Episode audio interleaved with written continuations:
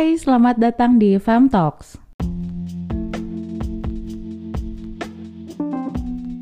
Di tanggal 28 Juni lalu, baca berita ada anak 13 tahun yang diperkosa sepupunya sampai hamil. Terus dinikahkanlah tuh si korban dengan si pelakunya. Setelah melahirkan, korban ini tuh diperkosa lagi sama mertuanya. Wah, Gila parah banget sih parah. Gila, itu kasus tergila sih menurut gue kayak ya eh, udah speechless gitu.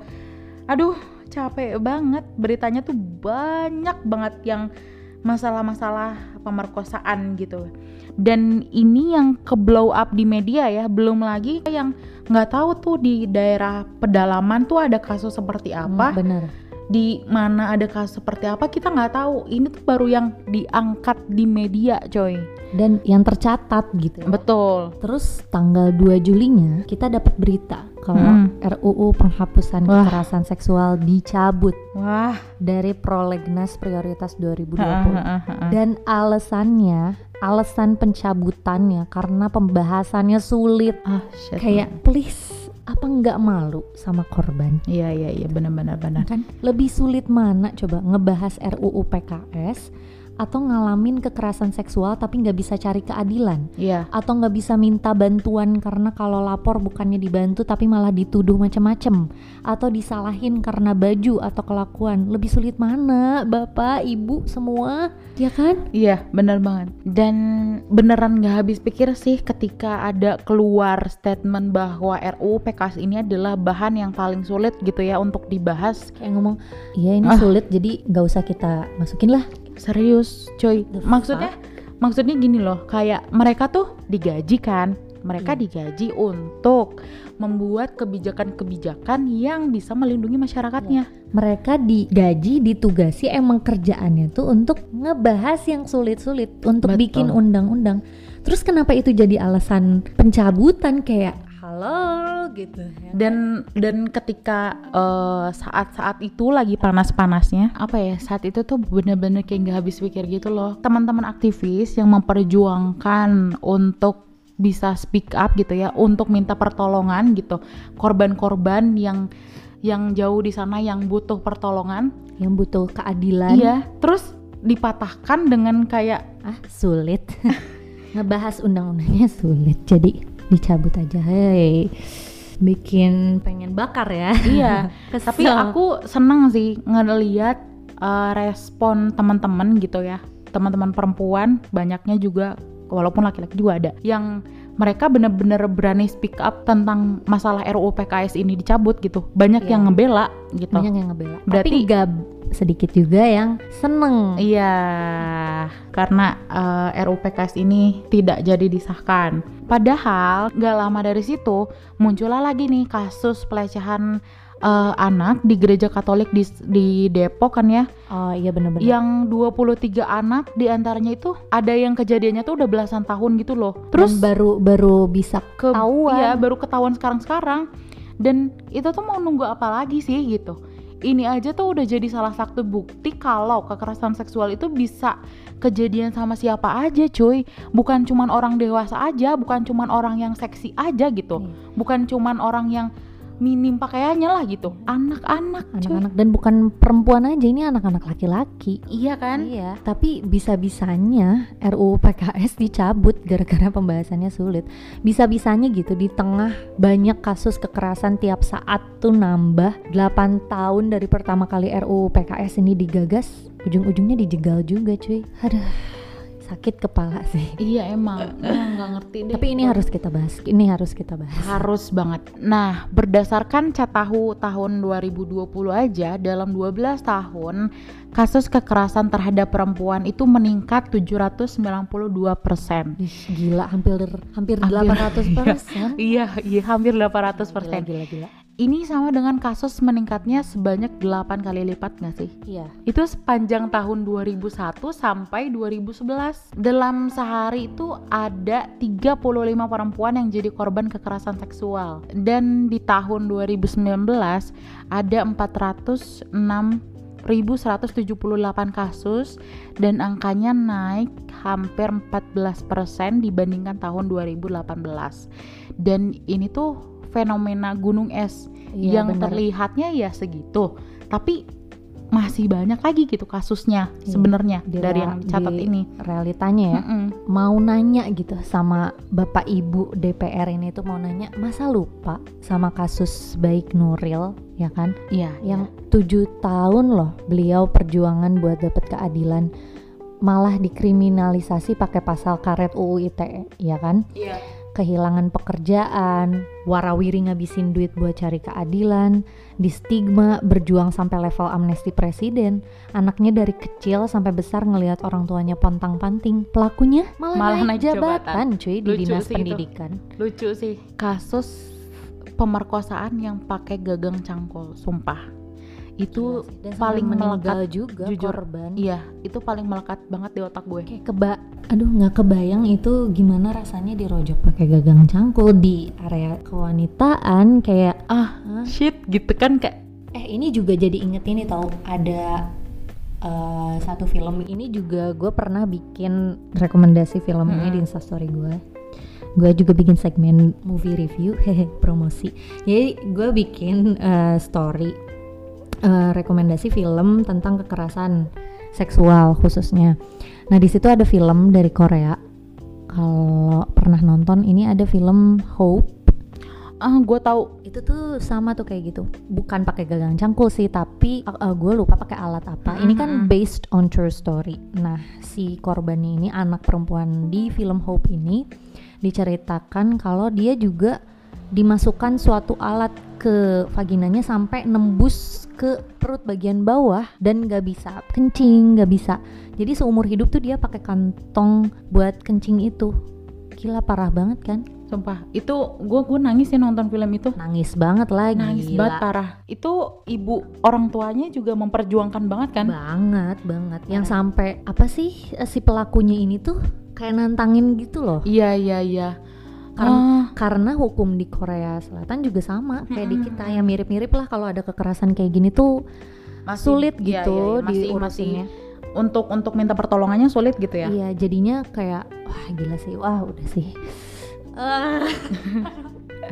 jujur ini ketika gue mengambil pembahasan ini kayak aduh merinding sendiri. Maksudnya pasti kita akan bahas-bahas Iya. yang kayak gini. Dan belum lagi nih kasus-kasus di apa tempat kita menimbang ilmu gitu kan kayak di Iya, kampus-kampus. sekolah- di kampus hey ini yang di kasus sekolah. Ini sih yang kemarin yang dulu eh tahun di kemarin ya? UGM yang? UGM Iya, iya kan.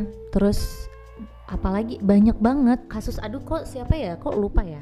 Yang Niatnya bimbingan tapi ternyata dibawa ke hotel kayak oh iya. Gitu-gitu ada kan. juga yang, Yang- oh yang diperkosa pas KKN itu kan yang di. UGM kan. Terus diancam nggak akan dikeluarin nilainya kalau nggak mau tidur bareng tidur seranjang gila kayak sih. Gila. Dan itu tuh nggak bisa selesai-selesai ya iya kan? Akan gara-gara nama- akan terus ada aja nggak sih yang kayak gitu? Akan terus ada karena nama baik kampus. Iya betul betul nggak mau namanya tercoreng. Ya, UGM gitu loh kayak ada Iya. kekerasan seksual dan itu tidak menutup kemungkinan kayak di kampus-kampus lain tuh banyak Iya. eh, maksudnya di kampus-kampus lain tuh pasti ada kan Iya. yang kayak gitu pasti pasti ini cuman mereka terjamin. dipaksa untuk bungkam gitu loh si korbannya tuh kita juga di kampus kita kampus kita di UIN Sunan Gunung Jati Bandung juga pernah ada kan kasus kekerasan Iya, seksual iya, iya.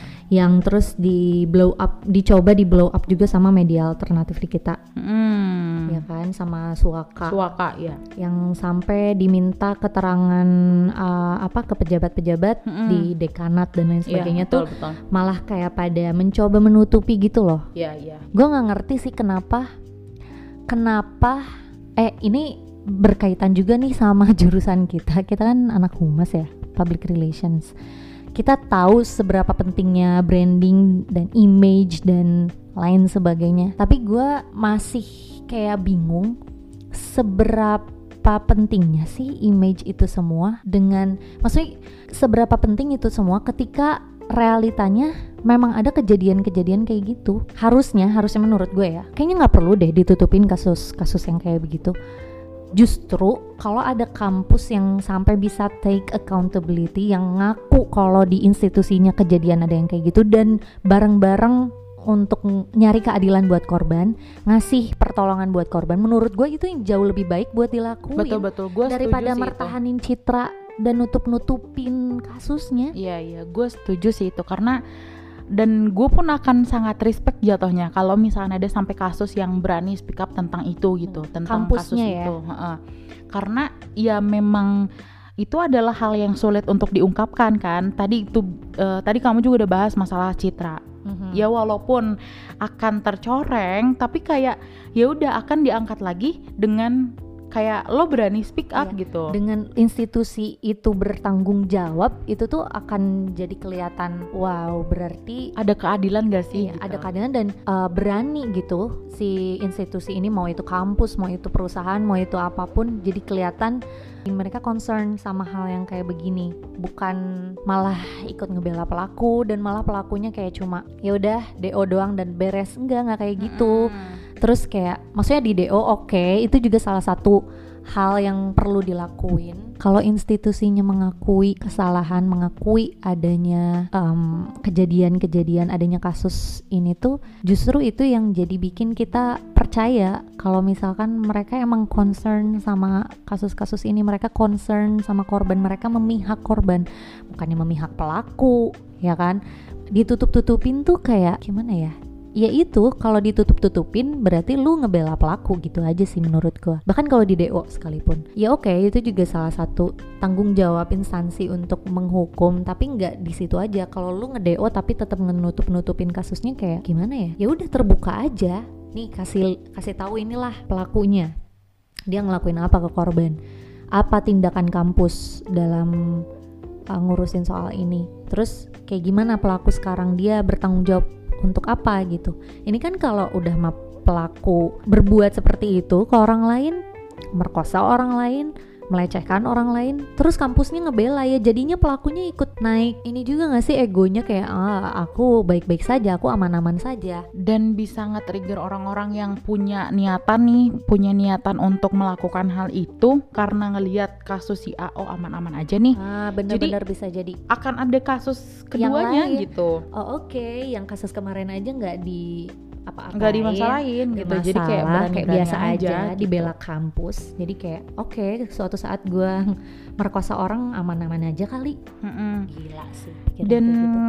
dan belum lagi nih kasus yang eh, apa sih yang diperkosa sama 14 laki-laki. dan sampai meninggal juga. Iya. jadi kata siapa? Kekerasan seksual nggak darurat. Kata siapa? Pengesahan RUU PKS tuh nggak darurat. Karena semakin lama kita ngomongin hal-hal yang nggak penting soal RUU PKS kayak teori-teori konspirasi seputar RUU PKS hoax-hoax seputar RUU PKS korban seksual tetap ada dan semakin banyak buat yang belum tahu RUU PKS ini terdiri dari 16 bab dan 184 pasal Kekerasan seksual yang termasuk ke dalam RUU ini ada 9. Ada pelecehan seksual, eksploitasi seksual, pemaksaan kontrasepsi, pemaksaan aborsi, perkosaan, pemaksaan perkawinan, pemaksaan pelacuran, perbudakan seksual, dan penyiksaan seksual. Nah, eh, kalau misalkan ngelihat dari sembilan kategori ini gitu ya, kayak pemaksaan perkawinan, itu pun menurut gue bisa jadi salah satu upaya pemerintah untuk mencegah perkawinan anak nggak sih? Bener banget, bener banget. Kan itu banyak ya yang korbannya emang dipaksa orang tuanya. Iya kan? Jadi apa ya? Menurut gue, ketika kita bisa mengesahkan RUU PKS ini tuh akan banyak korban-korban yang ketolong, bukan hanya mereka yang jadi korban seksual aja gitu. Iya. kayak anak-anak pun bisa bisa apa ya lepas dari ketakutan untuk dikawinkan lebih cepat gitu. penyiksaan seksual ini juga jadi keingetan ini gak sih kasus yang yang lagi enak-enak di kosan terus digerebek cuy sama Iya, warga terus Dan diarak, diarak. Nah, tapi diaraknya ambil telanjang dibawa mau ke rumah mau dibawa ke rumah RW-nya apa RT-nya Iya, iya, gitu iya, iya, aku nah tahu, itu juga salah satu bentuk uh, penyiksaan Hmm. seksual Nah, sebenarnya agak ruwet sih kalau misalkan ngomongin masalah RUU PKS ini ya. Karena gak sedikit juga kan orang-orang yang ternyata kontra sama RUU PKS Iya. ini. Betul, betul. mm-mm, mereka kayak ada mis apa namanya? miskonsepsi Nah itu miskonsepsi bahwa RUU PKS ini tuh adalah inilah berarti eh, pro terhadap inilah kayak Hmm, gitu-gitu benar-benar. loh dan apa ya kayak eh, itu tuh jadi rame juga gitu karena ya jadi kita tuh masih belum punya suara yang sama gitu loh bahkan perempuan sendiri nggak sih iya yang menyuarakan benar-benar. ya kan yang menyuarakan kontra terhadap RUU PKS ini gitu. Benar